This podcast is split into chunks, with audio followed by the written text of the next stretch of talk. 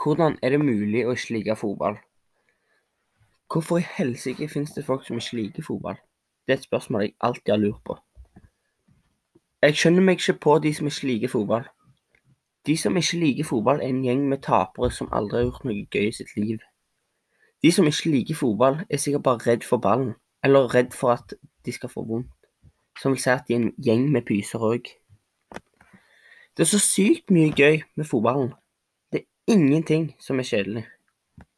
Fotballen skaper glede, venner, ikke minst at folk blir mer aktive og samhold. Jeg kommer tilbake eh, til det med samhold litt seinere, men venner er det som driver fotballen. Siden hvis du spiller på lag med mange som du ikke er venn med, da klarer du ikke å få den samme spillegleden som når du er venn med alle på laget. Jeg glemte å si at venner er med på å utvikle deg som en fotballspiller, men ikke minst som et menneske òg. Mange folk tror nok at fotball bare er å løpe etter en ball og sparke ballen inn i et mål, men det er det ikke.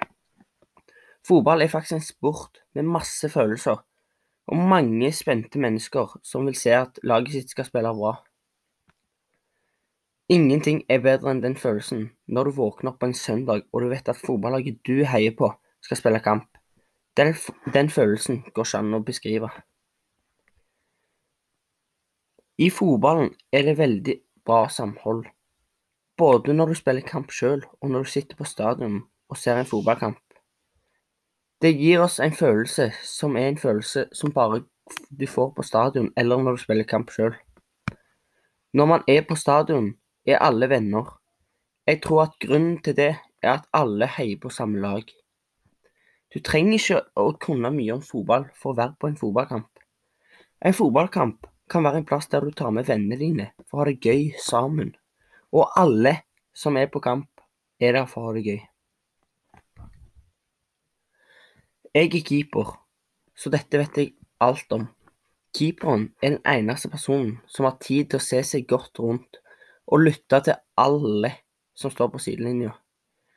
En gang jeg sto keeper i finalen i Stjernecup, så fikk en på laget vårt gult kort for å gå inn på banen litt for tidlig på et bytte. Og denne situasjonen gjorde at vi ble jævlig sure på dommeren. Eller vent litt, å bruke ordet jævlig er litt i overkant, men vi kan si at vi ble irritert. Og derfor fikk vi et veldig bra samhold av denne situasjonen. Tenk på alle de hobbyene som ikke har samhold. En av de er gaming. Eller kan vi i det hele tatt kalle det en hobby? Ja, men samme det. Tenk så sinnssykt kjedelig det må være å sitte og se på en skjerm en hel dag uten å snakke med en eneste person. Kanskje hvis du er heldig, så får du snakke litt med foreldrene dine og søsknene dine. Dette er grunnen til at alle bør like fotball, og håper dere begynner å like fotball etter du har hørt dette. Jeg syns at skriveprosessen har gått veldig bra, og at jeg har jobba ganske bra og effektivt. Det var litt vanskelig å finne tema i starten, men jeg endte jo selvfølgelig opp med fotball. Eh, Sluttresultatet ble ganske bra, syns jeg.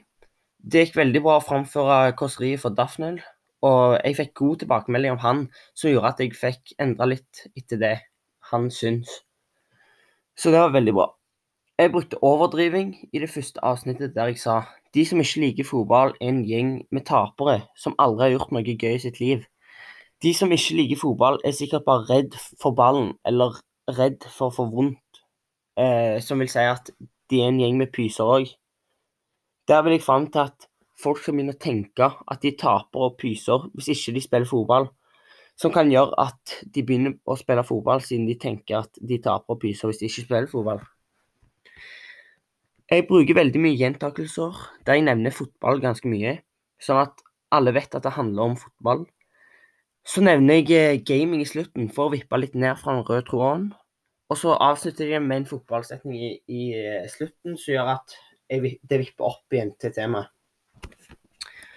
Jeg bruker òg eh, humor når jeg sier 'tenk på alle de hobbyene som ikke har samhold'. En av de er gaming. Eller kaller vi det i det hele tatt en hobby? Ja ja, men samme det.